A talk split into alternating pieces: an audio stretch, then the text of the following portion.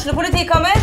Ine Jansen er purk. Er du purk? The motherfucking bitch. Alt jeg vil, er å finne ut hva som skjedde med mannen min. Jon Carew. Er jeg sikta for noe? Iben Akeli. Det er du. Ole So, Lars Berrum og Big Daddy Karsten. Hvem sin side er du på, egentlig? Anette Hoff, Tone Danielsen, Kommer du fra Afrika?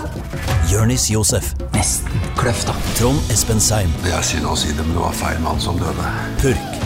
Premiere tirsdag på TV2 Play. SA-podden presenteres av Fleksi. Regnskap med et smil.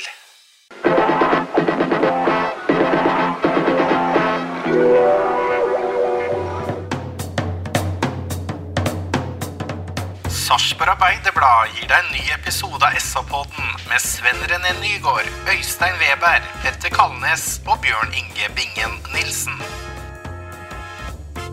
Søndag kveld, Sarpsborg 8 har slått uh, Vålerenga 2-0 på Oslo øst, og her sitter en smørblid Sven René Nygaard. Hei, sann. Å ja, hei, hei. Det her var helt nydelig. Deilig. Ja, ja. Mingen, hva har du gjort i dag før du har sett fotballkamp? Uh, jeg På tur? Har, uh, ja, det har jeg gjort. Ja. Vært hjemme med familien.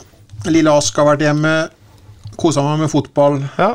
Og kosa meg Gløgg med 08. veldig bra med 08. Spesielt du får den oppturen etter at Fredrikstad på en måte får sin, så syns jeg det her var helt fantastisk. Ja. Punktum på søndag. Du syns Fredrikstad fikk en opptur med 1-1 hjemme mot Moss, ja. Bra. Hva syns du, Øystein? Om, Var det bra? Om, om livet, liksom? om, Generelt? om Fredrikstad fikk et heldig poeng? Ja. Mm. Ja, det gjorde de jo for så vidt. Uh, nei, dette er jo helt uh, suverent. Og vi tar jo et jafs. Vi snakker jo aldri om å se på tabell og sånn, men det er litt uh, behagelig altså, å, å gå fra å ligge på en sånn live-tabell hvor du ligger faktisk helt sist før den kampen her, og så havner du litt sånn oppå midten, og da kan vi si da, Bingen, at da har vi ett poeng bak sølv. Nei da, så det betyr mye. Det, det, vi har reist til Oslo i dag og vunnet 2-0 mot Vålerenga. Det resultatet er helt suverent. Du kan vende det, vet du, og du si det på en annen måte. Fortsetter vi å holde, holde Molde bak oss, så kommer det her til å gå veldig bra. Og så bare, Får jeg si en ting til? eh, Ja, ja jeg er enig. Vi, ligger, vi, har fått vi har fått en luke til Molde, som Bingen sier. Og, og, og, jo, men bare en ting til eh, som jeg syns er litt viktig å si. Eh, Vi har jo snakka om under Billborns periode heller vinne ditt enn datt. Og bare for å si nå, da. eh, Hva med å vinne 2-0 kontra å vinne 4-2? Herregud, jeg vinner mye heller 2-0. Eh, Fotball dreier seg om også å skåre mål, og det dreier seg ikke minst om å forsvare seg. Så det resultatet her, på Intility i kveld, kruttsterkt, Petter. Veldig bra. Jeg prøvde å si hei til deg, det tok lang tid, men uh, Hei, hei. Jeg heter fortsatt Petter. Jeg har vært på Vet du hvor jeg har vært i dag, Øystein? Jeg har vært på dine gamle jaktmarker. Jeg har gått tur på Vetatoppen. Jeg så mye for meg, Der tenkte jeg deg som guttunge med indianer og greier inne i Han skauene har der. Han har jakta mye rart oppå Vetatoppen. Ja. Mye, mye sprettert. Gutter, Vålerenga Sarpsborg 8-0-2. Kruttsterk, som han eh, Øystein sier. Vi tar eh, konklusjon først. hva jeg kan se på deg, Bingen. Det er en meget sterk eh, borteseier.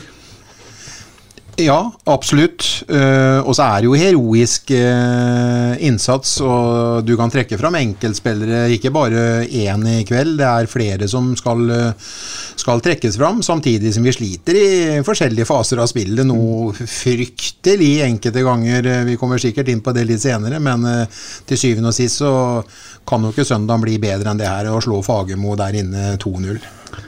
Hovedkonklusjonen din, Sven? Nei, Det blir jo samme som Bingen. Altså, det her er- var jo ikke vakkert. Det her eh, Resultatet er vakkert, men det var eh, mye kvist og motvind. Men eh, enda mer kvist og motvind synes jeg for Vålerenga, og det er jo en ja, noe i margen for 0-8. da, For de, de gjør det vanskelig for Vålerenga. Det er, de, de har en kjempemulighet på, på ting vi også sikkert kommer til å snakke om etterpå, at vi gjør hueløse ting igjen, da, som gjør at de får de her store mulighetene. Men fasit i hånd nå, så er det jo sånn at vi har spilt to fotballkamper. Vi har tre poeng. Så kan folk tenke at ja, ja, det er jo ikke all verden. Men altså, vi har tatt på Bodø-Glimt. Det er et lag som kommer til å slå stort sett alle i år. Og så har vi tatt tre poeng borte mot Vålerenga. Så det her er langt over middels start i mine øyne. Nå er det jo Bingen som vanligvis er ordkunstneren her, men jeg tror du sa noe uh, kvist og motvind. Kvist og motvind, ja. Det, det, Er ikke det bra uttrykk, Øystein? Han er Ja, bortsett fra at det er jo ikke det det heter. Nei, Men jeg det vet jo er det, men han har innført noe nytt. Altså. ja da, men Sven er pioner Ja. på like mye som Bingen er det, egentlig. Ja, det Det er, ordkun det er ordkunstnere, begge to. det, det er jo samme som not, not og fjør, liksom. Det, kvist og motved. Men Det går ikke over bekken etter vann, i hvert fall, det Øystein. blåser, vet du Eh, Det blåser. tenkte du når det var slutt i Oslo? Ja, når det er slutt, så er det jo ikke så vanskelig å tenke at en er fryktelig glad. Og, og som sagt, det er clean sheet bakover, og det er en 2-0-seier, og resultatet er kruttsterkt. Men selvsagt så er det mye å ta tak i hvis vi bryter dette her ned. Altså, Vi har en førsteomgang hvor vi kanskje til og med er litt heldige her, at, eh, at, dette blir resultatet til slutt. Men det er noe med at resultatet noen ganger trumfer alt. da. Og Det er vel der vi sitter nå og gjør at vi blir litt sånn euforiske. Mm. For, for, for, du kan ikke komme unna det. At, at hvis gjennomsnittssarpingen ikke er happy med å reise til Intility og vinne 2-0 mot Vålerenga, da må vi titte oss i speilet en gang til. altså. Det er ikke alltid det er så veldig mye vits å se så mye bak resultatene heller, men i hvert fall ikke supportere bør ikke gjøre altfor mye. Men eh, vi snakka forrige pod om at uh, det er fantastisk å være så offensive. Og stille mot uh, Vålerenga på hjemmebane med det vi kalte for syv offensive fotballspillere. Eh, så blir én av dem da han utvist. Jeppe Andersen blir utvist. Altså en av dem defensive. er få defensive som er der. Og så reiser man til Vålerenga Intility, Sven, med enda en offensiv spiller, med at han setter Eh, Mikkel Margaard ned på midtbanen og Steffen Skålvik opp som spiss. Da har du også åtte spillere på det laget, etter min mening. Begge bekkene og alle framover, som er bedre offensivt og defensivt. Hva, hva, tenker du om det? Nei, jeg, jeg, vet ikke hva jeg skal si, men, men eh, det er helt tydelig at Billeborn og Bjørklund og gutta og dem rundt laget er ekstremt offensive i huet. Eh, jeg var jo helt sikker på at de gikk ut i samme formasjon med Lundqvist på topp. Og at de da selvfølgelig satte inn Høyland sentralt for Jeppe. For Jeppe er vel henta en del som en spiller som har defensive fibre og kriger i dueller og vinner nærkamper. Og Der syns jeg vi var dårlige i første omgang. Alle klareringer fra 08 ut, fra Vålerenga ut, og andre baller i midtbaneleddet. Den uh, klarte ikke Torp og Maigård å ta seg av. Maigård er ingen uh, midtbanespiller som uh, vinner alle de duellene i mine øyne. Så jeg ble veldig overraska. Men det sier jo litt om holdninga deres. da. Og det er klart, Nå sitter vi med fasit i hånda og vinner 2-0. Men etter den første omgangen så syns jeg egentlig, som Veberg sier, at vi var litt heldige med resultatet. Og vi kunne balansert den kampen enda mer med at Høyland hadde skåret og vunnet flere dueller, mm. slått enkle bredsidepasninger til medspillerne sine og etablert et tryggere spill enn det vi klarte, for vi mista ballen veldig fort. Jeg mener dette her er den mest offensive eh, lagoppstillinga Sarpsborg 8 noen gang har hatt på bortebane i Eliteserien på de eh, elleve sesongene og to kamper eh, man har holdt på i toppen. Det er jo det, og om det er riktig, så fikk vi vel et godt svar på det i, ettersom kampen skred frem, at den riktige konstellasjonen, den var jo det vi avslutta med, med en Martin Høiland inn sentralt, som er en eh, voldsom arbeidsom, lojal, eh, defensiv eh, spiller som som snart bør få sjansen fra start. For han, han gjør jobben sin helt klart. og Eh, jeg må jo også si det at eh, selv om vi, vi kan ta bort én side nå som sliter voldsomt offensivt, selv om det er offensive spillere og vi snakker om innleggsføtter og driblefanter, så er jo det venstresiden. Det er jo en eh, side som fungerte voldsomt bra i fjor med, med Soltvedt og Tobias Heins, og de hadde vel masse mål og målpoeng til sammen, dem to. Jeg er jo ikke i nærheten med venstresida vår nå. Og jeg er ikke i tvil om at jeg ville gjort en forandring eh, frem mot neste kamp i forhold til å la Maigård få den, den, den kanten. Så du vil ha tribling ut av laget? Ja. ja, jeg vil ha Tibling ut av laget. Jeg syns han er helt formløs. Jeg syns han er kjempeblek. Men gjennom hele vinteren så fungerte den venstresida bra. Ja, men, ja, men ja. Jeg, jeg, vi har, vi har snakket, vi har snakka litt om det før, at eh, treningskampene våre eh, var bra, ja, men vi stilte spørsmålstegn noen ganger ved, ved motstanderen våre òg. Mm. Og mm. det å dra med høyrebekken til Fredrikstad og Moss på, på turer og overstegsfinter og kombinerte linja, det er forskjell på det å gjøre det på Intility og gjøre gjøre det mot Bodø-Glimt. Mm. Mm. Mangler jo først og fremst den avgjørende kvikkheten Tibling i det. Og det blir veldig tydelig da igjen. Vi så det for så vidt enda tydeligere mot eh, Bodø-Glimt, men det er klart at da var vi inne på at eh, vi møter et lag som Eller vi støtta oss litt på den teorien om at eh, tross alt så skal vi ikke møte Bodø-Glimt hver gang. Men dessverre så, så er ikke Tibling kvikk nok eh, til Vi så det igjen i dag, eh, til å til å Han har ikke den farta som skal til for å kunne utnytte en sånn kantposisjon. Så, kan det, så det kan godt hende, som Bingen er inne på, at, At uh, Kanskje en Maigård. Men, men Maigård har jo mye av det samme. da Altså Maigård og Tibling sin topphastighet er ikke så ulik. Nei. Ingen av dem er noe, noe eh, veldig veldig hurtige. Men la meg da deg svare på et tema jeg tok opp med, med innstillinga til kampen. Øystein. Eh, La oss bruke en, eh, et, et bilde da og si at uh, sammenligne dette her med når en Michael Mikael Stare reiser til Intility. da. Altså Det er dumt å bruke Stare hver gang, men det er faktum at han tenkte annerledes. Han la seg jo med ni mann bak den ballen hele tida. Her reiser man inn og, og angriper. Som fotballspiller, da, eller som fotballsupporter, si litt om forskjellen her. Og, og inngangen, liksom. Herregud, du kommer jo med lykke... Jeg åpner dører, jeg åpner dører jeg står i nå. Ja, ja, men du kommer jo med lykkepakke, Billborn. Hører du på dette her? Fortsett, fortsett, fortsett. Og se hva Billborn gjør når han legger igjen to høye kanter på en eh, dødball imot. Eh, altså, Det er mye vi sikkert ikke forstår i fotball, men det jeg i hvert fall forstår i fotball, det er at hvis du tar et bilde av den situasjonen vi ser på TV da, så ligger Vålerenga igjen med fire bak for å ta seg av to kanter, som er helt, helt overraskende for alle. da. De står og klør seg i huet, lurer jeg på, som skal håndtere de to som står på høye kanter. Det kalles numerisk overtall. Altså Bruker de fire mann på å dekke to stykker som vi har lagt igjen på topp, så, så, så, så må det være en situasjon som er superinteressant å diskutere. Og det kommer jo litt som lyn fra klar himmel i dag. Du ser jo Vålerenga, de står jo og rett og slett lurer på hvordan skal håndtere det grann her. Det er to forhold rundt det der. Sven. Det ene er at det er et offensivt grep, at du kan kontre på og corner imot. Men det andre er at motstanderen har færre folk foran mål. På, når corneren går. Ja, ja Mm. altså tenker jeg ut ifra at fors, eh, Som gammel forsvarsspiller, da, hvor flere 08-spillere som blir borte fra sin egen boks, så gjør det faktisk de gode angriperne en stor tjeneste. Som er, det er lettere å finne rom. Det er lettere å vinne dueller, for det er færre, færre folk å forsere. Så det kan jo være litt sånn vanskelig for 08s defensive spillere og hvor færre du har inne i boksen. Så det her er jo to forskjellige. Men, men jeg tenker det at det Billboard de gjør der igjen, da, altså de sier jo på inn- og utpust Vi sier jo til meg forrige gang hva er Bodø-Glimt best på? Gjør det offensive? Ja, da må vi hindre dem i å ha ballen. Derfor så må vi være der oppe og ha ballen der oppe. Nå går det førersetet igjen og sier de, vi skal ha kommandoen. Dere skal gjøre det dere, eller på våre premisser, med å legge dem der oppe, som ingen andre gjør. Klødde seg i huet i studio, hadde ikke sett det noe særlig før, osv. Men de vil jo hele tiden være i forkant, da, og være dem som på en måte danner premissene Mm. på hele, hele kampforløpet. Spør du Anders Kristiansen, så er jeg sikker på at han elsker det, for at han får bedre, arbeidsbetingelser. ja. bedre arbeidsbetingelser. Det. Hvis, du, hvis, du, hvis jeg skal bare tenke tilbake sjøl, sånn som hvis du trena på innlegg eh, som keeper eh, før i tiden, så hadde du som regel en, en, eh, en som sto i kroppen på deg, og en som kom i duell med deg, og så hadde du han som slo corneren. Og det var jo sånn at hvis den corneren ble slått ordentlig, da, så var jo det gavepakke mot to spillere, og, og færre det blir å jobbe med i feltet.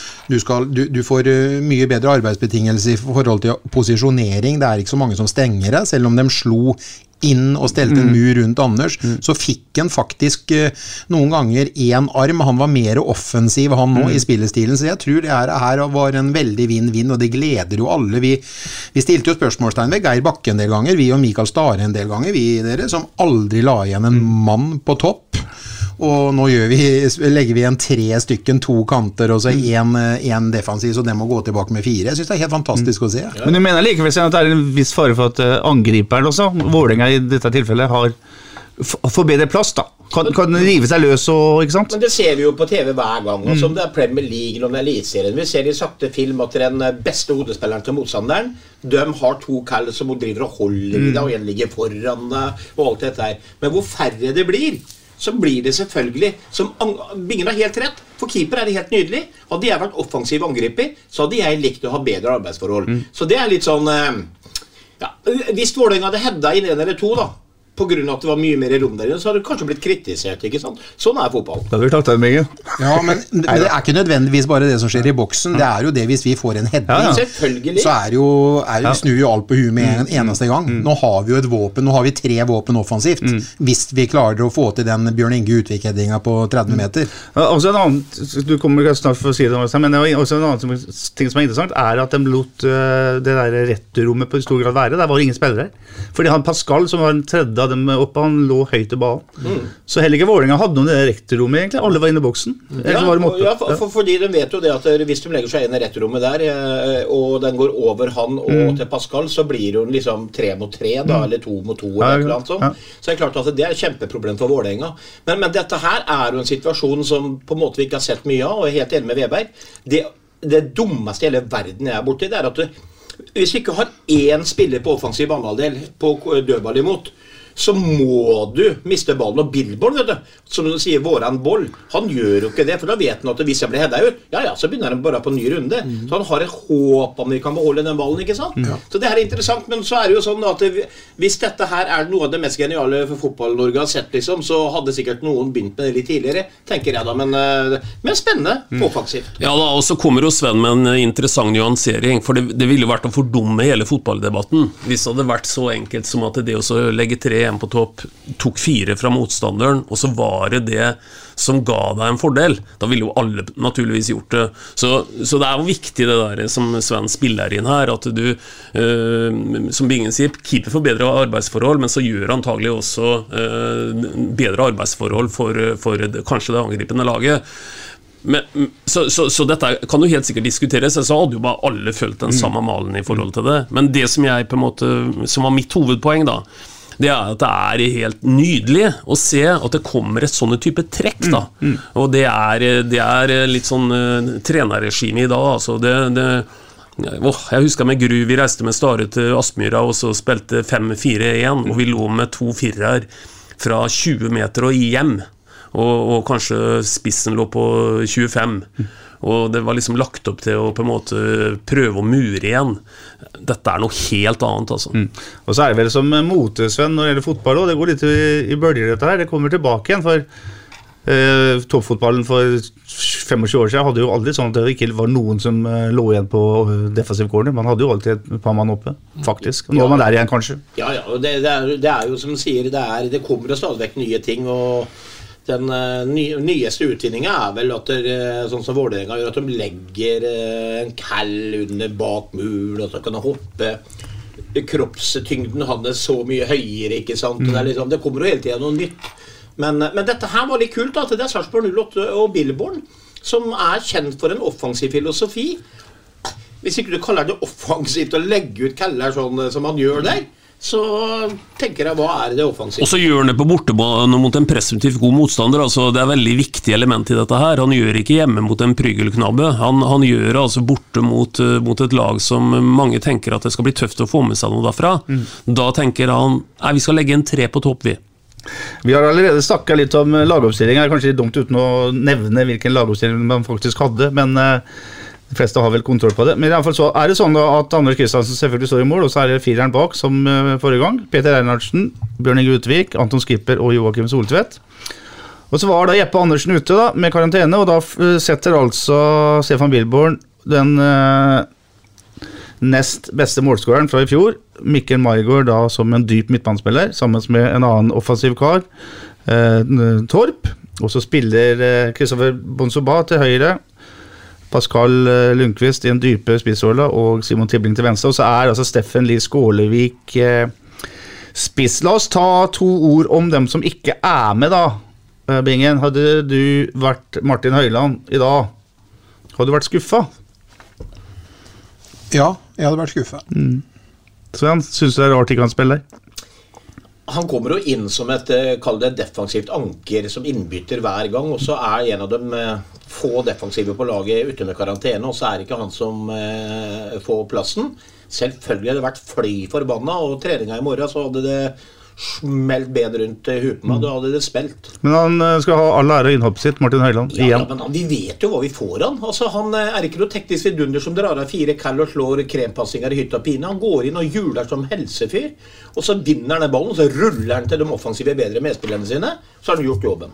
Spissen fra start Øystein, er Steffen Lie Skålevik. Eh, Vi forutsetter at det bl.a. er pga. hans spiss- eller hans pressegenskaper. Altså at han er flink som førsteforsvarer helt på topp der. Men Kristian Fardal Opseth og Gustav Mogensen kan vel heller ikke være veldig fornøyde? Nei, selvsagt er de ikke det. Altså Mogensen må jo føle seg veldig veldig langt uh, unna.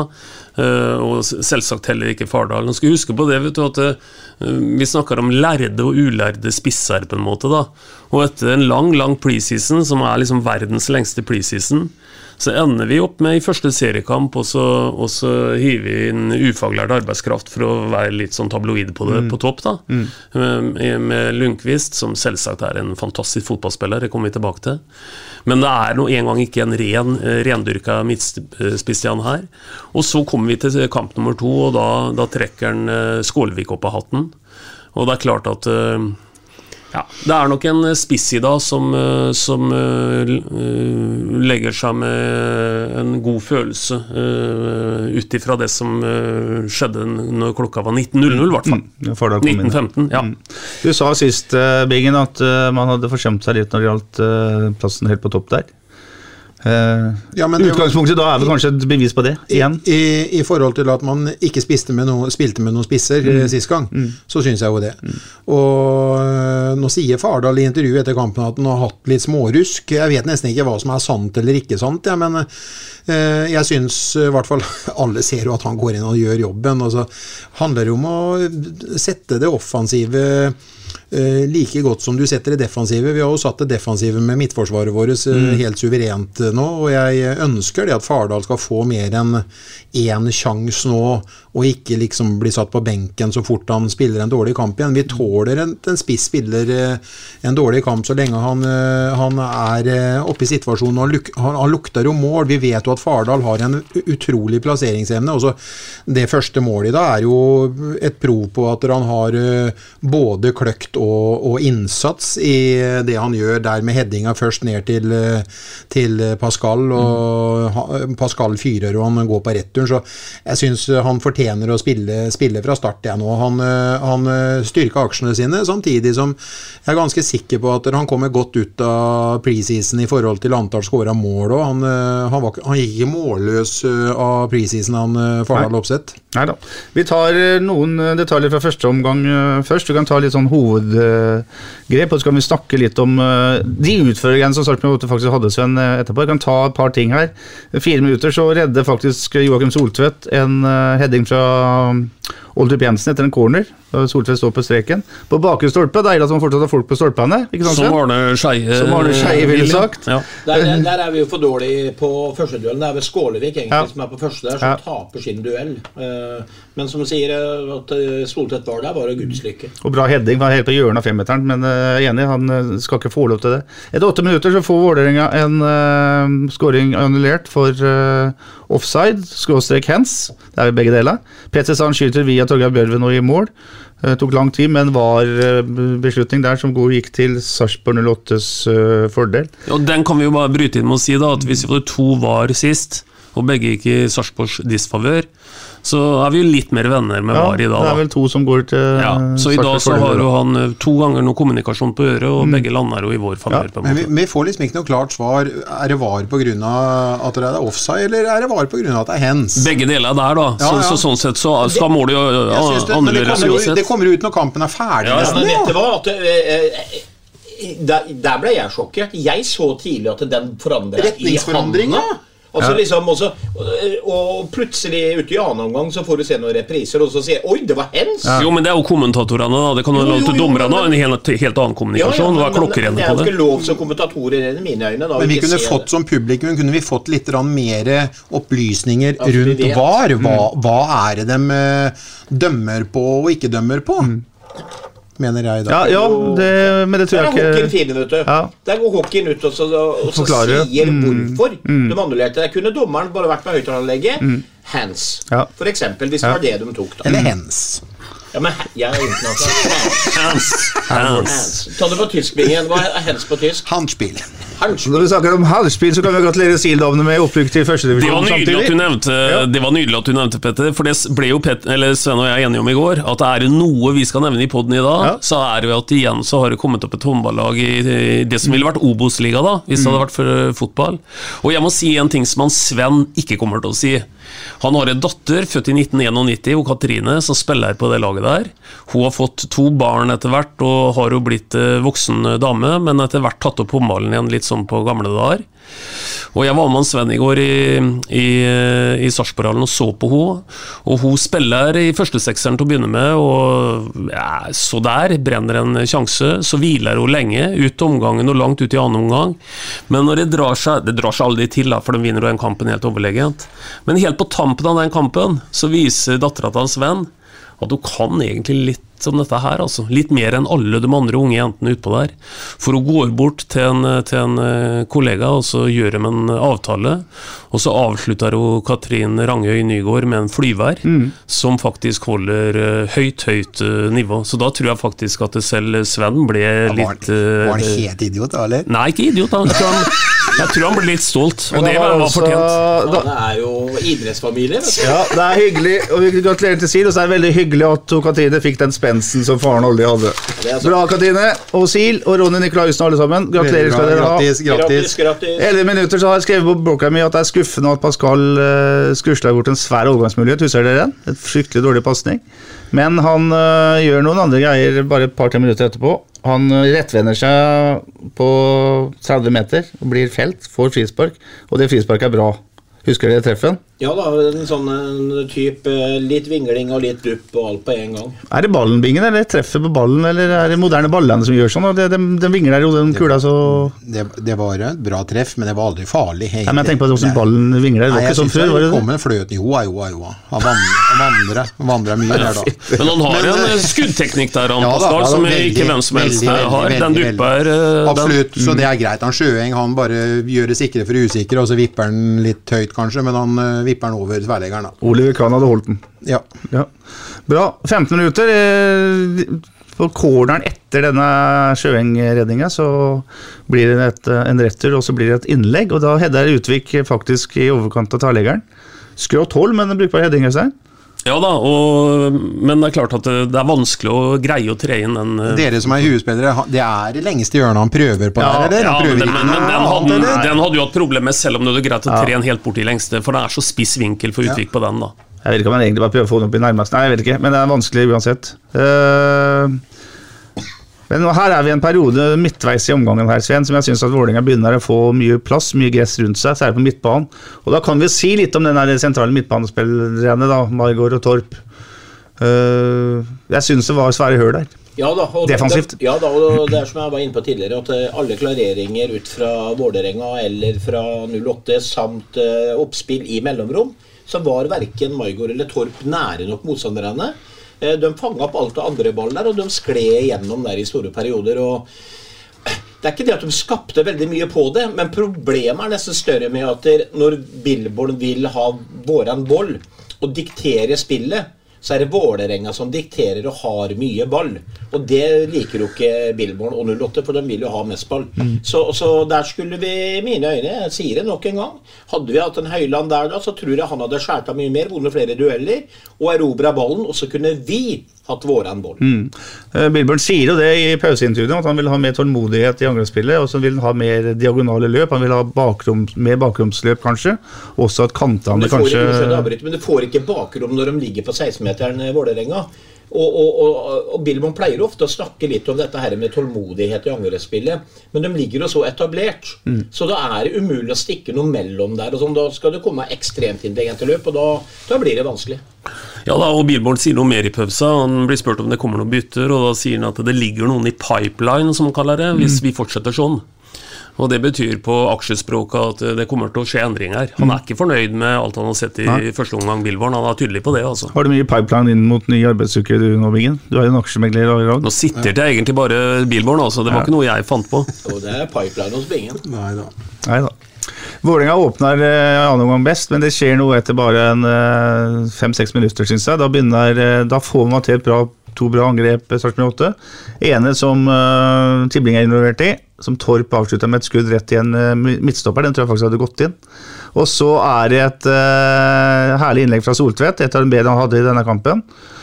Og en retur som Bon Suba smeller til på yttersida av venstrebenet. Det er en eh, fin avslutning. Ja, det er en veldig fin avslutning. Og Bingen, det er jo en klasseredning av Sjøeng. eh, Da han går ned med den ene armen og redder den. For den treffen som faktisk eh, Altså, i dag så er jo Kristoffer Bonsuba for så vidt variabel og sånn. Det er sikkert mye å sette fingeren på, men den der yttersiden med venstrebenet som han treffer der, den er ganske ren. Og, og uflaks, rett og slett, at ikke det gir et tellende resultat. Kan du snakke om å ha en keeper som angriper skuddet. Ja. Han setter seg ikke på rumpa. Fantastisk god eh, og så ung. Han ser ut som en guttunge, men han står vel på U21, så han er vel litt lenger, litt lenger framme. Mm. Men eh, han er eh, 1,97, hører jeg Morten Langli sier på, på TV-en i stad. Så det er jo definitivt en eh, spiller for, uh, for framtida. Vi skal ikke glemme det at han eh, fikk muligheten som Han starta vel som tredjekeeper, eh, og så var det Klasen som gikk til Leeds, og så gikk eh, Cato Haug til Nei, eh, Kjetil. Kjetil Haug til Ikke Haug. Kjetil Haug gikk til Toulouse, og da da tok han jo det med, med strake armer. De henta jo sågar Rossbakk i fjor fra Odd, øh, og han fikk jo ikke muligheten i det hele tatt. De kjørte jo konsekvent med, konsekvent med han, og det, de fikk jo et lite vendepunkt her, og han var jo en del av det. Så han har vist seg tilliten verdig, god, øh, god keeper. Og Bonzo Ba han gjør jo det eneste rette. Han hadde faktisk ikke noen andre muligheter. Jeg sa, altså, jeg sa med en gang Søren, at ikke du én meter høyere, så piper du den inn, men det var jo så mye ben rundt Bonzo Ba, så han gjorde faktisk det beste ut av det. Knallhardt og en flott redning. Du har tidligere lansert eh, kommende landslagskeepere i denne poden, men du gjør ikke det nå, så det var jo godt. Kanskje, du har kanskje lært, Ja, han spilte 1-1 i dag, så Ja. han, øh, han kommer. Han er, ikke, han er ikke ferdig, han. Nei. Bra. Vi heier på Simen. Det var bare spøk, det, altså. Ja, men ikke kødd. Nei, jeg kødder ikke med noen som helst. Eh, Dere nevner eh, Bon Suba. Jeg nevnte Bon Suba. Skal vi ta en liten eh, dom over han? Eh, jeg syns han gikk de første kampene Sven, så gikk han jo begge veier, altså dribla begge veier, men i dag så var det innover, venstreben innover hver gang. Uh, han må vel prøve å variere litt? Ja da, men det, det tror jeg plutselig kommer. Men det er klart at dere- Bonsu var eh, veldig menneskelig i dag, for å si det sånn. Det var ikke noe det, Du ser jo hele tiden du- Men problemet vårt nå er at de forventer jo magiske ting hele tida. Eh, men hadde, hadde, hadde det vært hans første kamp ingen hadde sett noe, alle sagt «Dæ, for en spennende spiller. Men det som også er i dag, er at Vålerenga hadde gjort jobben sin ganske godt. For når vi først etablerte eller fikk tak i ball, så datt de jo veldig langt ned. Og det Bonsu har hatt muligheten til tidligere kamper, både mot Bodø-Glimt og treningskampene, det er at det er et bakrom som han kan tre dem på. Nå blei det vanskelig for han. Så da blir det bare den han én-mot-én-situasjonene for han, og ikke de kreative framover. Så det tror jeg har en eh, stor del av forklaringen. Og så har de jo tre stoppere som av gårde av vingbekken, men så går han rett inn i sekken, på en måte. Der kommer jo neste, på en måte. Men, men, men selv om han gjør det, at han går innover i dag, så er jo det Jeg syns jo han Pascal Lundqvist er en fantastisk intelligent fotballspiller. Og han var ikke like skarp med pasningene sine da Bonzo ba, men eh, når han gjør diagonalløpet eh, mot den kanten, motsatt når han Bonzo ba trekker inn, så gjør eh, Pascal Lundqvist diagonalløpet ut der han kommer ifra, men da selvfølgelig 15-20 meter lenger fram i banen. Der er det rom, og hadde Bonzo Ba vært mer eh, skarp i dag, så, så, så treffer han Lundqvist med, med et pass som kan bli skummelt til slutt. Men uh, han var ikke så skarp i dag, dessverre. Men uh, han Pascal Lundqvist er, uh, Ja, er smart. utrolig smart. Og da drar han med seg enestopperen ut Ja, fra ja, sentrale ja. plassen. Ja. Ja da, og der Bonsu fortsatt viser at han, han holder, det er de to første dansetrinnene hans. Det er ingen i Norge som henger med på den der høyre-venstre-dansen hans. Så er det jo som Bingen sier, at det vi har blitt helt blenda av tidligere, er jo nettopp det han gjør i etterkant. At han har dratt av han førstemann da, og stikker igjennom osv. Som Sven er inne på, det er vanskeligere arbeidsforhold i dag. Men det er fortsatt sånn at øh, Bingen hadde slitt altså med oss å møte Bon Suba én mot én. Ja, jeg blir veldig overraska når uh, Bingen slet én mot en offensivt. Nå kan jeg ta en gammel historie, for det var nede på treningsfeltet nede på Kulan, hvor vi spilte, og så fikk jeg ikke sett kampen. Og så fikk jeg høre at Bingen hadde spilt ute og scora. Og så sier Bingen jeg dribla åtte cal, sånn. Men Bingen hadde bra teknikk. Men problemet med den historien til Bingen da Det var at jeg fikk å høre sannheten. Han dribla samme cal åtte ganger. Ja, ja, ja. For han dro nå, og så var han på rett side igjen. Og så dro han igjen, så holdt han på åtte ganger, og så satt han i lengste. Fortell, fortell litt mer, Sven. Alle har jo Alle har jo farta var ikke Bingens eh, forskudd, men teknikken var bra. Nei, men Alle har jo sett Maradona gå ut og trikse ut på banen og varme opp. Husker det, det var hans glansnummer. Men Bingen prøvde litt sånn, og særlig når han var reservekeeper, så gjorde han ofte det vet, du, i og sånn. det høres jo litt spesielt når han kommer og sier til henne og møter deg Fy faen, for et mål sen! Jeg skåret dribla åtte kall! Og så får du høre etterpå ja, Det var den samme kallen jeg dribla åtte ganger. Så det gikk litt sakte. Det var en avsporing, men han Sota, han venstrebekken til wingbacken til Vålerenga, er jo en, er jo en rev-Sven. Og han vet at han går til venstre. Altså Bonsu bare går til venstre Men han får pokker ikke tak i det og derfor blir jeg overraska når Amakwa sier når Sota blir tatt av 20 minutter før slutt, så sier han det at, at, man hadde at man hadde hatt et godt tak på Bonzoba gjennom hele kampen. Den eh, kjøper jeg ikke helt, for han eh, Sota han, eh, han fikk ikke tak på Bonzoba, og han, han sparka ned, og det var fingre fingrer stakken i øya, og det var mye skitne triks der hele veien. så- Spiller i venstrebekken blir tatt av 20 minutter før slutt, så har du ikke hatt taket på dem. Nei, så det må jeg bare si, Amakwa. Det var Ja. ikke riktig. Du liker, du liker jo Bonzoba, så fortsett å hylle den, og ikke hyll Sota, for det var ikke riktig. Etter 57 minutter så gjør eh, Stefan Bilborn noe som Kjetil Rekdal hadde kalt et trekk som er coaching i verdensklasse. Han uh, tar ut spissen Skårevik, setter inn på spissen Kristian Fardal Opseth, og så tar han ut høyrebekk uh, Peter Reinhardsen og setter inn på høyrebekk Eirik Vikne, og så tar det halvannet minutt, Sven, og så er det et innlegg. Og da tenkte jeg først at endelig så var det en blå og hvit en, eller en hvit og blå en i dag. Først på et innlegg, for det skjedde nesten ikke før Kristian Fardal Opseth kom på banen. Nei, og han var eh, tydelig sharp i Det er jo ingen tvil om. Eh, Det er eh, Du så det liksom en en gang, og du så reaksjonene hans etter involveringer, etter måla. At det, det, det betydde mye for ham i dag. Det var liksom ikke den den liksom slantrende callen som fløy utpå der med armene vinglende og tok imot juling. I dag var han ordentlig på, og så er det jo tilbake til det vi har snakka om. da, at det liksom jeg hadde Molinspingen det, som min store helt, og jeg fikk jo feil der. Men, men jeg, jeg- prøvde meg på en til, og Lundqvist er min store helt. Ja, men jeg er helt enig med deg. Fordi at jeg har ikke sett maken. Altså, Fra andreomgangen nede på Freisa stadion, føre det, så lurte vi på de bena. De virka lange og vinglete og mye rart. Er det her for noe? Så sier Berntsen om det er en spiller vi ikke kunne takke nei til. Og Berntsen nå forstår jeg hvorfor ikke vi kunne takke nei til han. For det må være den mest intelligente fotballspilleren til hele Eliteserien. Løpsmønster, eh, teknikken Og det verste er at han, holdt på å løpe fra hele Vålerenga-forsvaret tidlig i kampen. Han har, han har toppfart. Og det han gjør der, altså han fyrer av den, det er jo tilfeldig, og Oppsett skårer. Men det han gjør etterpå der, og det andre målet til Oppsett Måten han tar med seg ballen på, ser opp, er lugn, bare ruller den ferdig, Oppsett stadion, ferdig scora. Herregud, for en spiller vi har fått der. Og han, altså på sikt, eller på kort sikt, da, for å kalle det det, så er han et enda større skup nesten nå enn det Bon Suba vi har prata om. Nå trodde jeg du skulle si De Bruyne igjen, men ja, det er Bon Suba på lang sikt er det største skupet norsk fotball nesten har gjort, tror jeg. Men det, det vi får med Lundqvist framover hvis det holder seg skadefri Kjære store allmektige. Han er, han er godt trent òg. Men han løper jo! Kanskje han løpte hjem i kveld òg etter kampen? Han Ja. ble med bussen. Han ser veldig bra ut. Og så er Han er på Vestby nå. En utrolig fotballintelligent eh, spiller. Ja, og så gjør han jo, Petter Det er kan jo ikke liksom på en måte undervurderes det heller. Han, han, han tar noen signalløp, da. Ikke sant? Vi har snakka mye om det. Altså Folk som på en måte virkelig viser at eh, jeg er ikke noen sånn en kaxi primadonna som skal liksom på en måte komme enkelt fra det. Han er jo en hardtarbeidende type.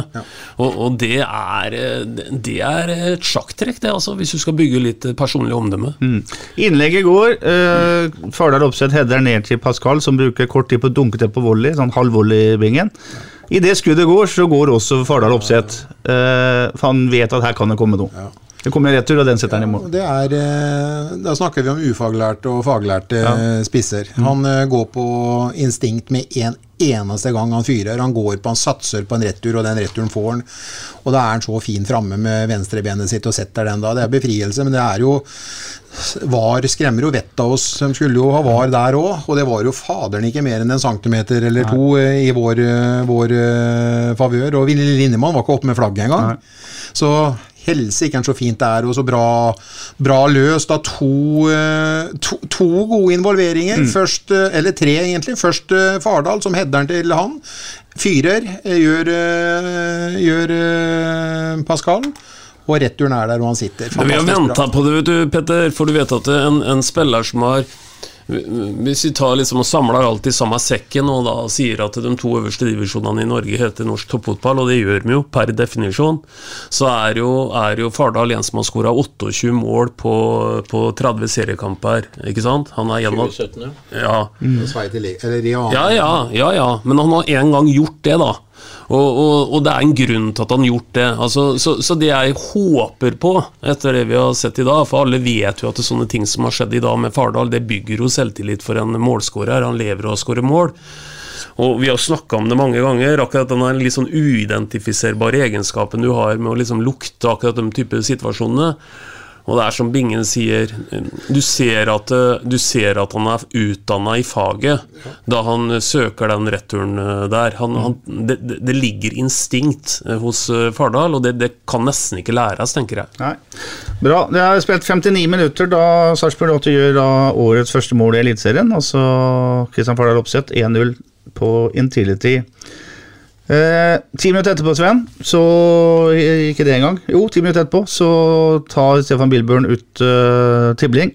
Setter inn på Høyland. Da har du han inn på midtbanen som du har vilt hele veien. Og flytter Margaard ut til venstre, som vi også faktisk snakka om i pausabingen, så der var du tidlig ute. Men det som skjer også den siste halve timen her, eh, Sven, eller de siste 20 minuttene i hvert fall etter at Høyland kommer inn, er at man legger seg i en mye mer eh, klar 4-4-2 defensivt. Tar ned kantene og er mye mer forsiktige. Og Da får vi også sett dem i et kollektivt forsvarsspill som fungerer. og jeg må si Det ble jeg også jævlig glad for, at de faktisk mestra det såpass bra òg. Ja, og, og det, det blir jo mindre rom rundt på kanter og sånn, ikke sant. Og jeg la også merke til det at det, selvfølgelig litt etter når du i hvert fall gjør 1-0, da. Så detter Høyland ganske dypt og blir på mange måter en sånn eh, ny midtstopper utafor dem. Og han tar jo for seg dueller, og det er eh, Hva heter det for? Bjørndal? De, de, de får vondt, ikke sant. Og sier at nå, nå skal jeg være med på krigen her. Og det er jo liksom det som er så deilig med han Høyland. da. Fordi at han er en sånn en, for meg en sånn typisk defensiv eh, midtbanespiller med god pasningsfot. Men han tar de enkle pasningene, og de er også gode. Og så bare slå syv meter bredside til en som er på vei framover. Ikke så etter at det har vunnet en ball. Og, og, og da så du det kollektivet som eh, Jeg vet ikke hvem som sa det i stad, men det her er jo en eller jeg sa Det selv, det er jo ikke noe vakker fotballkamp. Det er ikke noe blendende angrepsspill. Det er ikke sjanse på løpende bånd for noen av laga. Men i dag har vi et kollektiv som blør for hverandre. Og etter at vi gjør de to måla der, så er på en måte ikke Og det overraska meg litt, da, for etter vi gjør 1-0 hvis jeg tar feil, så har vel ikke Vålerenga stort sett noe å by på, annet enn at de kommer og legger det i boksen. Og hvem vinner der? Jo, det er Utvik og Skipper, og de stanger ut, og så vinner vi andre baller foran der. Nei, vet du hva, det her er sånn deilig kollektiv, og det er noen ganger deilig å vinne fotballkamper som ikke bare ser ut som Billboard i et nøtteskall, hvor det er klikk-klakk og dobling på kanter og sånn. Men det er liksom kombinasjon av pene mål, og så er det kombinasjon av hard jobbing, god struktur, og i dag syns jeg vi hadde alt det der på plass. Min kollega Pål Karlsen er vel den som ser flest uh, 08-treninger tror jeg, i løpet av en fotballsesong, utenom da den som er involvert. Og han sa det var en seksjon her på på torsdag, tror jeg det var, der man brukte mer tid på den der defensive drillinga enn de kanskje har gjort noen gang etter at Billborn kom hit for eh, snart halvannet år siden, iallfall et drøyt år siden. Det sier jo litt at de har tatt, tar det kanskje enda mer på alvor da, etter den eh, greia de fikk mot Bodø-Glimt-bingen, eller? Ta, de har tatt signalene, tenker du på? Nei, nei, jeg vet ikke. Oh, de, jo, de har jo prøvd, trent litt andre, det sier jo Bjørklund i Mm, ja, gjør intervjuet med Sarpsborg Eierblad og digitalt. Og eh, de eh, ville jo gjerne drille det defensive enda mer, for de så at de ble sårbare når de fikk brudd imot. Så det er ikke tvil om at de har tatt hensyn til eh, forrige kamp i dag. Mm. Og det må de jo nesten gjøre, fordi jeg tenker på det at der, Du sier jo sjøl i stad, Petter, at vi har aldri sett så offensive lagoppstillinger noen gang her i Sarpsborg, med to defensive spillere omtrent i dag, tre i forrige kamp. Og det er klart Når du går ut med så offensivt mannskap som de gjør der De har ikke de defensive fibrene oppi hodet. De er ikke like gode én mot én som en god back er. Så når de gjør det, så må de må trene formasjon på det. På dem som er litt dårligere på det fra før, komme inn i et mønster. Ellers så blir det pip åpent. Så de har jo ikke noe valg annet enn å, å, å justere på treningsøkta, eller tenker jeg, med defensiv struktur med de offensive spillerne. Jeg har lyst til å de skal ikke ha den skrevet i sten, men jeg har lyst til å hive opp en liten en i lufta. Og så kan dere ten tenke litt på den. Og så tenker jeg på de to første kvalkampene til Norge nå. Så spiller Stefan Stamberg, Strandberg, alle, altså kaptein til Vålerenga i dag. Han spiller stopper på det norske landslaget. Bjørn, Utvik, Bjørn Inge Utvik er vel ikke nominert til uh, syvende reserve engang. Vi hører i hvert fall aldri noe snakk om at han skal være med.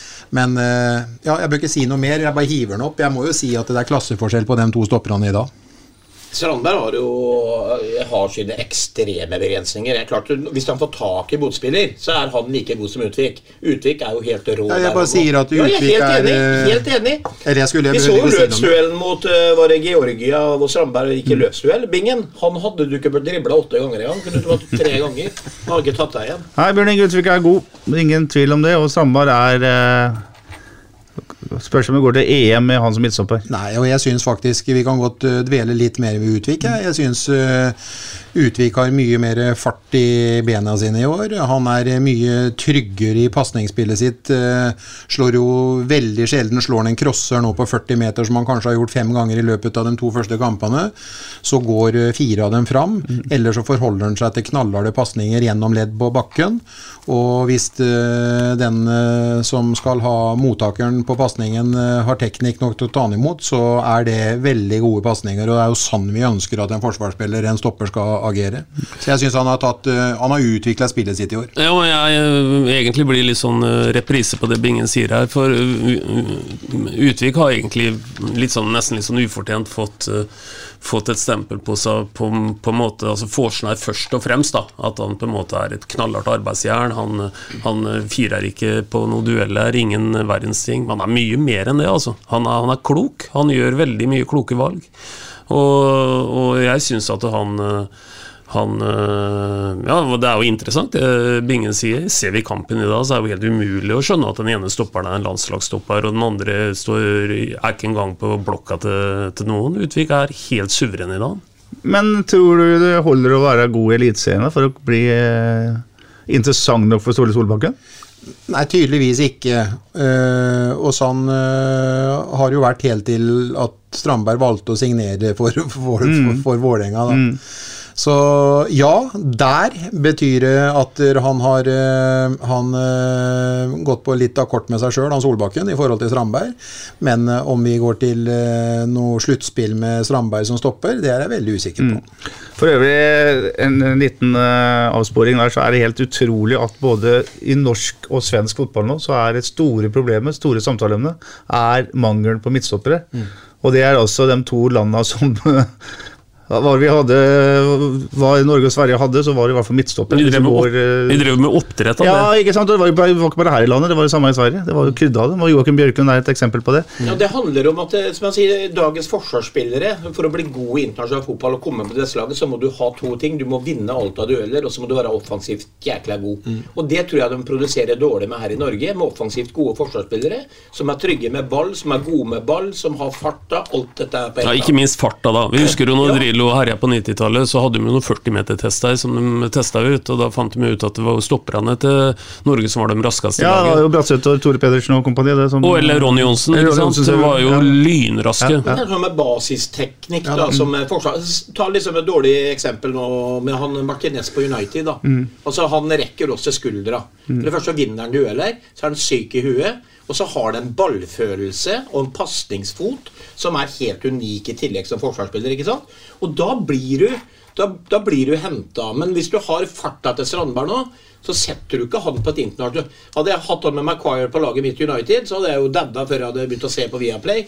Det er, det, ja, men, men, men du, du må ha hele pakka. og Der tror jeg Norge og Sverige og de henger etter. Dette med basisferdigheter, med teknikk og alt dette her. For det tror jeg man trenger. Vi sporer litt av med du? nå, Ja. men eh, jeg vil bare si da har han utvikla to av tre kriterier som Sven hadde. Du må være syk og vinne alle dueller. Ja. Du må ha ekstremt godt pasningsspill. Og så tredje, Sven, Fart. Fart. fart. Da har han utvikla fart og pasningsspill.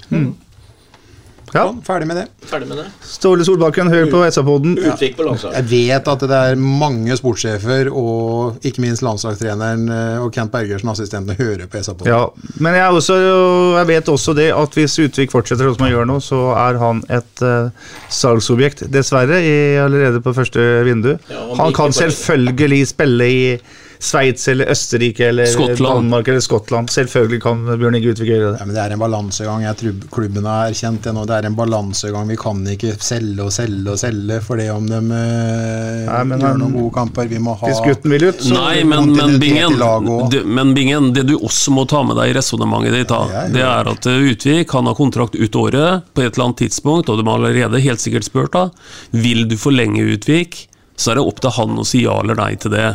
Og hvis han sier nei til det, så kommer altså et siste vindu på sommeren, og så går han vederlagsfritt etter sesongen. Så det er ikke bare liksom klubben ditt og klubben datt, det er en spiller oppi gjør dette. det så suverent for Utvik, Ja. til Utvik at hør her, Utvik, den tryggheten du har her, den får du ikke andre steder. Vi, er, eh, vi har lyst til å verdsette og ønske at kona di og dattera di skal få en oppvekst, eller barnet ditt skal få en oppvekst. Bli hos oss. Dessuten Men den tar vi, til, den tar vi ikke enda. Nei, men han han er en så flott gutt, så han kommer Ja. definitivt til å vurdere 08 og Sarpsborg by videre. Det er jeg helt, helt overbevist om. Han har til og med bosatt seg sånn at han kan spille oldboys-fotball i Tune om noen år. Så heldig er han. Eh, Sven, du sa i stad, du har sagt mye bra da, men du sa én ting feil. Du sa at Vålerenga ikke skapte særlig sjanser eh, etter 1-0. Eh, de gjør iallfall én svær sjanse. Det er da Sota skyter bingen fra skrått hold etter 70 minutter. Husker du benparaden til Ja, benparaden. Anders? Bra i redning. Ja, vet hva, Jeg er litt usikker om det er bra redning eller litt flaks der. For du treffer vel nesten standbenet til han Jo, men han står igjen med det. Han, står igjen med det. Han lar det Ja. henge igjen. Men det er en igjen. vanskelig greie, altså, for der er det mye trafikk inne i Det er styrken hans. Det er jo nettopp det Ja, ja. er styrken i spillet til Anders. Men det er vanskelig å se utgangen der. Du får noe reprise bakkant han blir stående. Han, eh, han angriper ikke ballen, men han blir stående med benet sitt, for han ser at her har jeg én mulighet, det er å la benet henge, og, den, eh, den, og der får han den. Så det er en veldig bra, retning. Bra redning. Siste muligheten jeg har notert fra Vålerenga, er uh, Jatta, heter han vel, som kom inn. Som eh, skyter, og der står jo Bjørn Inge Utvik bak keeperen sin og blokkerer skuddet. Det er vel litt usikkert om han faktisk hadde gått inn, men eh, Utvik står iallfall veldig godt plassert der.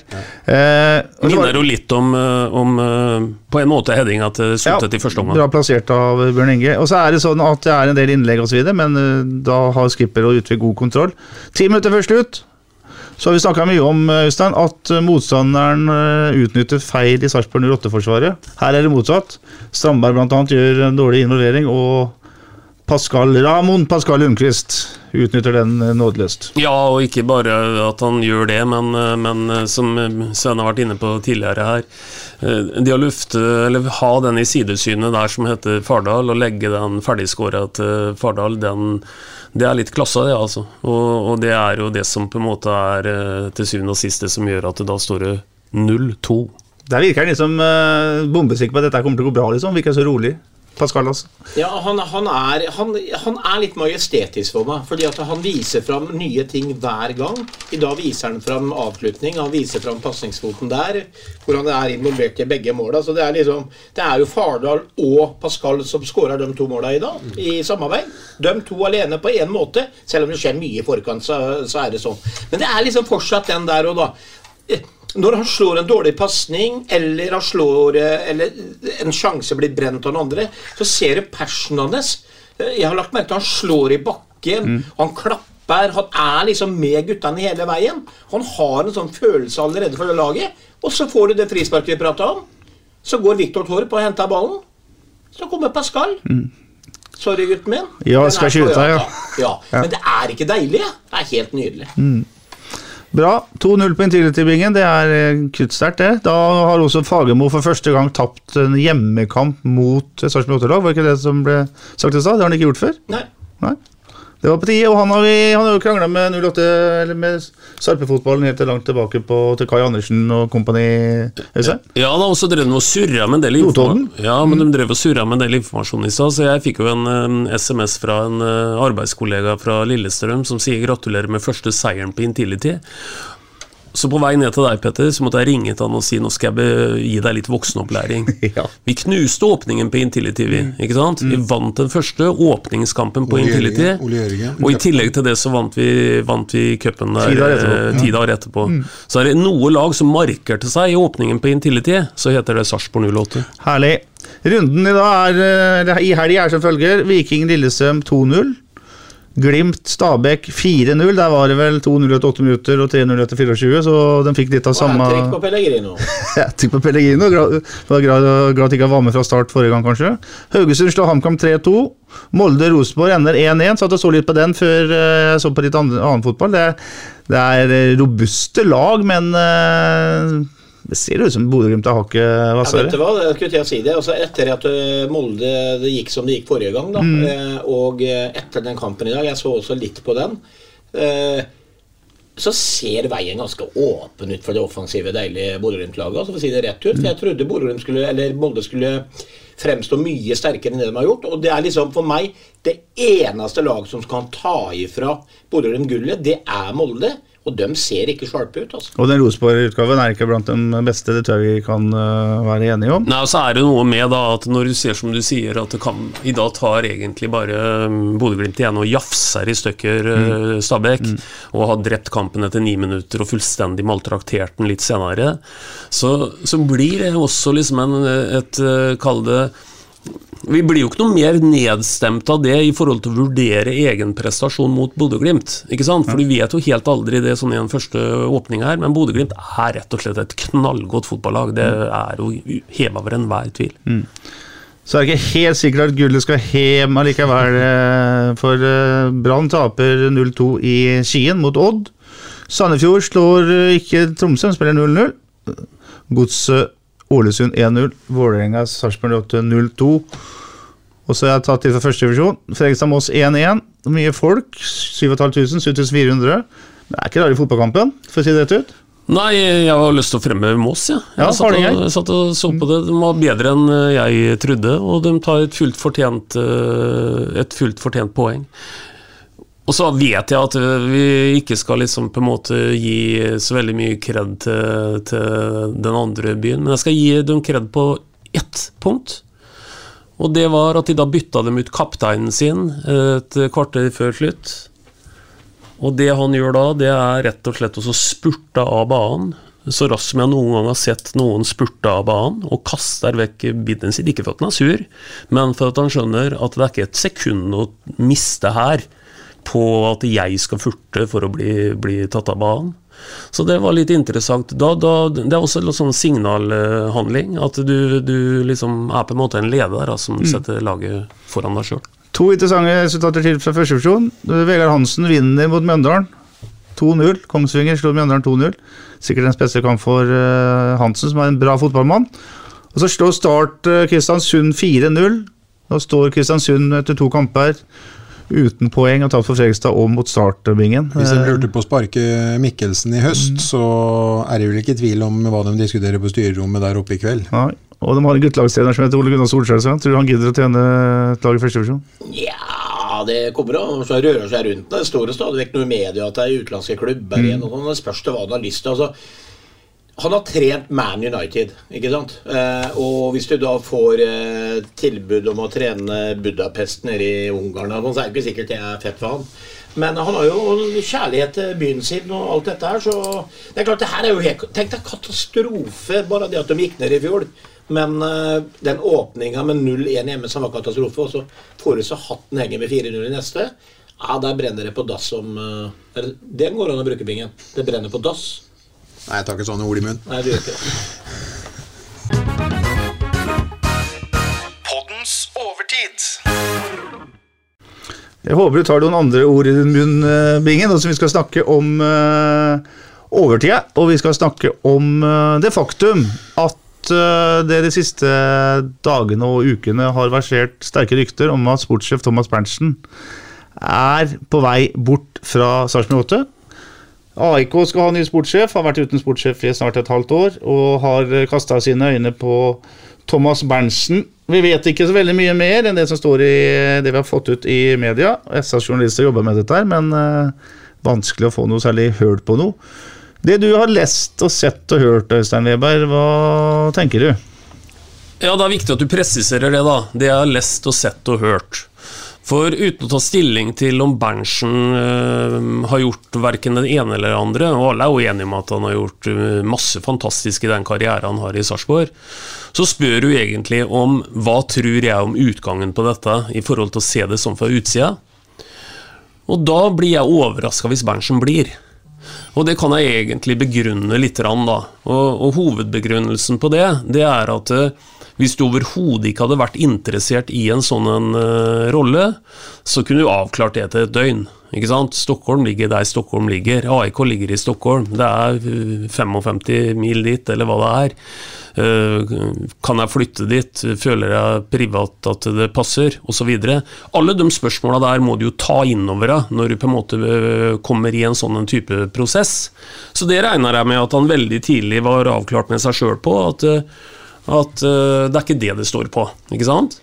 Og Hvis dere har rett da, Petter, i at nå er han uh, AIKs uh, førstevalg, og, og, så tenker jeg også at fotballøkonomien i de klubbene der er betydelig større, og, og, han kommer til å få et tilbud som vi ikke kan matche her i byen. Da, da, da skjønner jeg ikke helt hva, hvilken begrunnelse han skulle brukt for at, at han skulle takke nei, da. For, for, hvis det hadde vært sånn Jeg, hører noen stemmer der ute ikke sant, som sier at jo, men, men uh, Tørn det, på en måte. Det er en råere verden der ute. Det er tøffere, alt det der. Jo, jo. Enig i det. Jeg er ikke sikkert jeg hadde eh, Jeg snakka ikke om at jeg hadde tatt en sånn type jobb hvis jeg hadde blitt tilbudt det, men jeg snakka om at det kunne du avklart tidlig. For denne prosessen har vart et par måneder nå. Det er mitt poeng. At så lenge den varer, så må jo han ha spilt tilbake at uh, dette er noe jeg er interessert i å være med på, den prosessen her. Og hvis du da blir innstilt som et førstevalg, så skulle det vært spennende å vært flue på veggen hvis han takker nei. Det går så langt, Bingen, at vi tror og vet at han har vært i møte med AIKs trener. Det betyr at sportssjefen eller en mulig ny sportssjef og treneren sitter og snakker sammen. Da snakker man sannsynligvis både om fotballfaget og hva slags eh, filosofi man har osv. osv. Eh, jeg kan stille deg samme spørsmål. Hva tror du om den situasjonen eh, du har lest om de siste dagene? Hvis det jeg leser i avisa er riktig, så er jeg motsatt oppfatning enn Øystein. Jeg tror han spiller på flere hester. Jeg skjønner ikke hvorfor han ikke dro da til AIK og ble enig med AIK at jeg signerer, og så tar dere og løser meg ut fra kontrakta, og så begynner jeg til mandag. Så finner dere en minnelighet istedenfor at det her varer og det varer. Kom til en avgjørelse og bli ferdig med det. Ingen er uerstattelig, og hvis Berntsen finner det, så takker vi han for godt uh, samarbeid her gjennom ti uh, eller elleve år, og så er det helt, helt uh, greit for meg. Men sånn som det er nå, så syns jeg det kanskje blir litt grann latterlig. Kom med en avgjørelse og bli ferdig med det. Mm. Sven? Nei, Begge to sier jo noe klokt her. Altså, Hva han gjør, det syns jeg er vanskelig. Eh, jeg vet ikke hvordan eh, Hvor godt er lønna? Det ble nevnt bonuser i 08 tidligere. Hvor mye har han tjent? Vi har hatt store salg. Trenger han noe mer penger? Har han det trygt og godt her? Liker han seg kort vei til Oslo? Også, der, der kommer litt inn på de familiære tinga da, mm. som Bingen var inne på, med utvikelse. Legg forhold til rette, vokse opp her i byen, gjør ditt, gjør datt. Eh, hvis han har såpass bra med Gryn, for å si det rett ut, da, etter de årene han har vært der på diverse avtaler, jeg vet ikke hva det handler om, så kanskje han også kanskje syns at det er trygt å være her. Men det her er jo sånn der, det blir jo sånn svær quiz, de greiene her nå. Men jeg er veldig enig med Bingen på én ting. At de, han og klubben kan bli, bli, ferdig med det. Klubben kan også, syns jeg, sette ned foten litt der og si at eh, nå, nå må du ta en avgjørelse. Eh, så det har vært veldig spennende å vært inne på de her i rommene og hørt de samtalene. Jeg skjønte ikke helt hva uenigheten mellom meg og Bingen gikk ut på, da, bare for å sagt det. Nei, det var, Du trodde han gikk til AIK, ja. jeg trodde han ble. Jo, jo, men Du sa jo for så vidt ikke helt konkret det. Du sier at du tenker at han er med i spillet pga. at han skal heise opp i egne Spiller- spiller- spiller på ja. to hester. Ja, ja, ok. Ja, men det er bare to, det er to hester, enten 08 eller AIK. Ja, ja. ja. Ja. Men, men, men til til litt det du sier nå, Sven. Jeg er jo enig i alt det der, i forhold til at det er kortere vei til Oslo enn det er til Stockholm osv. Men du trenger vel ikke to måneder på å vurdere reisa? Nei, jeg er helt? Nei, nei, helt da, da, enig. og der er jeg helt enig med deg. Og så er jeg litt enig med Bingen i dette med å spille på eventuelle hester. og handler om kontraktsforhandlinger, handler om ditt og datt. Trenger han eh, den eh, sterkere økonomien han kanskje hadde fått i AIK, å bytte med den her eh, det, ja, Sånn som han har det per i dag, da. Eh, Eller er Berntsen sånn oppi huet, for han er jo kjepphøy. Det har han jo vært i alle uttalelser sånn. Eh, og, og kanskje, han, ja, kanskje han vil ut eh, og, og, og prøve seg på de her som alle sier ja, det er røffe forhold, det er ditt, det er datt. Kanskje han vil ut og bevise det, da. Så her ligger det sikkert en sånn svær haug av tanker. Jo, men som sagt, da, for å gjenta meg sjøl, det er jo ikke noe nytt her. Altså, Alle de tinga som er knytta til det som alle skjønner, uh, nemlig avstand, kanskje et mye tøffere arbeidsmarked, kanskje bli spist opp i løpet av et halvt år i en sånn type jobb, ikke vet jeg. Det er jo ting du ikke trenger veldig veldig lang tid på å så, eh, ta inn over deg og beslutte noe rundt. Så, så, så, så hvis du henger med på prosessen, da, som jeg oppfatter da, og igjen så bare snakker jeg som en avisleser.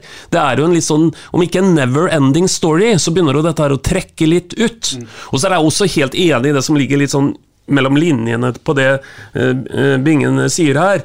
At uh, her må det bli tatt, bli tatt en beslutning, og så må den bli effektuert. Du kan heller ikke, akkurat like lite som du kan på en måte sitte som trener på en oppsigelse, på en måte, så kan du heller ikke gjøre det i, i en sånn en rolle som det. Du kan ikke bevege deg mot et nytt overgangsvindu øh, hvis det er allment kjent at du skal sitte ut en kontraktsperiode osv. Det, det blir ikke noe greie på. Så her må en effektuere det. Ja. Og det som er litt spennende, når eh, Øystein Weber dro dette her, det må bli spist opp i en stor klubb, da eksempel. eh. Men AIK er svære altså i Sverige, og de sliter. Så jeg kan godt tenke meg i Thomas Berntsen sitt hode så kunne det vært ekstremt spennende å komme inn og snu på ting her. Hente her en par mann som går inn og vender opp ned på laget. Og, og så er han helten der, og som han har vært her i byen i mange år. Det er mye å tenke på. Og så, og så må vi ikke undervurdere Det er én mann vi heller ikke skal undervurdere, som ikke kommer til å holde i handa i AIK. Og det er Bjørge Øyestad. Ja, det er, det er teamarbeid, det her. Det er ikke tvil om det. Ja, det har jo vært et radarpar de luxe i norsk fotball. Ålreit, da tror altså Øystein Weber at han går. Bingen tror at han ikke går. Og Sven Nygaard er i tvil. Nygaard er i tvil. Da kan jeg Men kan ikke jeg helgardere meg og si at hvis han ikke går, så har SA gjort en dårlig journalistisk jobb? For jeg forholder meg bare til de signalene dere har sendt ut. Altså, hvis han takker nei til jobben, og så er det vi som har gjort en dårlig jobb? Yes, Så hvis han takker nei, så er det faktisk ikke min uh, feilbedømming, det er SA, rett og slett. Og hvis gulrøttene gulrøtten til Coop ikke blir bedre, så er det din skyld, da, eller? Skal jeg ta deg hver gang jeg kjøper dårlige gulrøtter på Coop? For det gjør jeg veldig ofte. Altså, er. Ja, nå er det, nå er det mye rart på Bama. Ja, ja, ja, ja, ja, Nå tror jeg, Petter, nå skal jeg ta over regien. Nå tror jeg snart du bare må si vi preker. Yes, nå har vi sagt, uh, vi har sagt mye. Vi har jo en eh, Vi har starta en ny konkurranse i poden. Det er nemlig SA-podens tippekonkurranse 2023. Eh, Intern, ja. Intern, ja. Øystein Weber skal holde kontroll på hvordan det går, og vi skal offentliggjøre hver runde. Det som er litt interessant, er at vi fortsatt ikke har snakka om eh, reglene rundt det. Så er det f.eks. noen som øh, vinner hvis man ikke har det helt riktige resultat. Det er jo ikke det. Nei, nei. Det er klart der forrige gang. La Ja, Ja, ja, la meg ta litt sånn regi. For nå, nå tenker jeg, Vi skal ikke over til Sportshjørnet. Det var jo et program på NRK som Ja, Sølve det. Det har de lagt ned, like mye som de også har lagt ned Sportsrevyen. Nei, Vi skal over til poddens resultathjørne, da. Eller det som antagelig hadde vært riktigere å kalle det det rene, skjære lotteri. Det er jo det det, det, det heter. Skulle hatt en vignett på det. Ja. Pengelotteri eksisterer nå, forresten. Nei, det er vel gått ut, det òg, sikkert. Og hadde det ikke vært for altså, Jeg sitter med resultattipset nå foran den kampen her. Og her var jo tre av oss som, eh, som tross alt tippa Sarpe-seier, og var en som tippa uavgjort. Så jeg må si det, Bingen. eh, Hadde det ikke vært for at Bingen er et svært velklingende klengenavn på deg, så kunne jeg tenkt meg å kalle deg herfra for Bjørn Inge Bingo Nilsen. Eh, For eh, du er jo dårligst ute her i forhold til det tipset som ble levert sist. Men uansett Det det, er 2-2, jeg vel. Jo, jo, men vi andre hadde jo seier. Altså, ikke sant? Du hadde uavgjort. Ja. Ingen kunne vært det for Bingen. Så Bjørn Inge Bingo, han røk ut. Øh, Sven hadde 1-3. Eh, Den som var nærmest, var jo faktisk meg. Jeg hadde 0-1. Det var jo det til det var nesten slutt. Nei, dumme, altså, vi, både Sven og jeg hadde jo to mål. har to mål! Petter hadde 2-4. Men dommeren er suveren. Ja, Men uansett, det var det vi greide å hoste opp eh, fra den gangen. Vi traff ikke. Jeg kaller det jo det rene, skjære galelotteriet. Men nå har vi jo ny mulighet. Det er Odd hjemme. Ja. Nå skal vi tippe Odd uh, Her hjemme. Avslutter vi med tippinga, eller kan vi bare gi, gi nå kred for at der, eh, Alexander Klausen allerede begynner med sekunderinga, og at der vi, har, eh, vi har fått vind i seila med en eh, kamp mot Vålerenga på Intility i kveld. Og vi skal møte en motstander nå som uh, vinner, uh, vinner dem 2-0. Mot Brann, ja. Ja, vinner Ja 2-0 i dag. Ja. Så det blir jo en spennende i et flott uh, vårvær, spennende kamp i et flott vårvær hjemme mot uh, Odd til helga. Så jeg bare håper på at vi bare blir litt sånn like bitt igjen av Alexander Klausen sin go inn mot søndagskampen òg, gutter. Er vi enige? Jeg er veldig veldig enig. Jeg er ikke ofte er enig med Bingen, men det han sier nå er veldig veldig riktig. Jeg har notert det i manuset mitt, òg, Petter. Nå, Alexander Klausen, nå kan du starte i kveld og fyre på alle sylindere.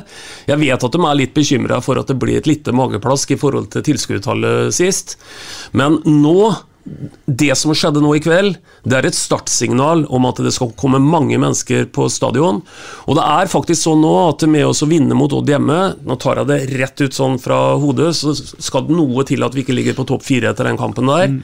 Så, så nå må en bare fyre på alle sylindere, og vi får håpe at de i hvert fall øh, kommer opp på femtallet. Vi har jo hatt en serieåpning, eh, Petter, som er, som jeg sa tidligere, langt over Eller i, i mine øyne, hvis du skulle tenke de to kampene, tenker du at du kan ha en sjanse til å slå Vålerenga, men dette blir vanskelig. Og så tenker du Bodø-Glimt hjemme, ah, det går jo ikke. Antageligvis. Altså, nå, nå er ikke jeg defensiv, men vi har tre poeng. Vi har møtt Bodø-Glimt, og vi har møtt Vålerenga borte. Fantastisk åpning, med tre poeng nå mot Odd, som vi kommer til å ta. Så er vi der som Øystein sier. Så her er det bare å gå mannen av huset igjen. Og bare støtte guttene, for det, det her har mye å si. Det var drøyt øh, 7000 øh, mot Bodø-Glimt. Det var 1200 Snøvt. Snøvt, ja. Ålreit. Det var snøvt 7000 var det. Og drøyt 1000 av dem var fra Bodø. Da kommer det 200-300 fra Skien, kanskje. Hva skal vi være fornøyd med da mot Odd, Øystein? 6000? Nei, men jeg syns at det får være litt realistisk. Jeg syns at hvis vi ser femtallet, da, mm. og litt opp på femtallet, så er det mer enn godkjent. Men dit må vi. Fem og et halvt, tenk om vi hadde Ja, noe ja. fem og et halvt, Ja, la oss ja. ha det som et førstemål. Ja, ja, enig. enig. Nå må du kjøre, Aleksander. Vi kunne, 5350 vi kunne nesten sagt at vi går i bare overkropp gjennom gågata neste det, lørdag. nei, det skal vi, nei, det skal vi ikke gjøre. Nå, skal vi ikke gjøre det. Alex, kjør på. Yes, bra. Ikke noe bar overkropp, Bingen, men hvordan går det? 08 mot uh, Odd. Du er først. 2-0. 2-0. Sven 3-1. 3-1. Øystein Jeg tror at det kan bli en ordentlig, ordentlig øh, festaften. Ja. Så jeg sier 4-1, sier jeg. 4-1. Og jeg sier at Sarpsborg 08 vinner 5-2. Det er bra. Det Det er er underholdning på det er gærent, det, vel? Det er i hvert fall, eh, det er i hvert fall seks poeng. Det er ikke noe tvil om eh, at vi har seks poeng. Nei. Det lukter hjemme seg lang vei. Det var noen som snakka fem poeng. i Berntsen det mine si at nå ser vi mot Europa. Vi ser mot Europa. Vi har slått uh, Vålerenga. Sarpsborg har slått Vålerenga på Intility 2-0. Ja. Da skal vi inn i krevende arbeidsuke, skal vi ikke det? Ja. Det er bare Nå kjører vi på. Nå er det full fart og full fokus inn mot uh, søndagen. Bra.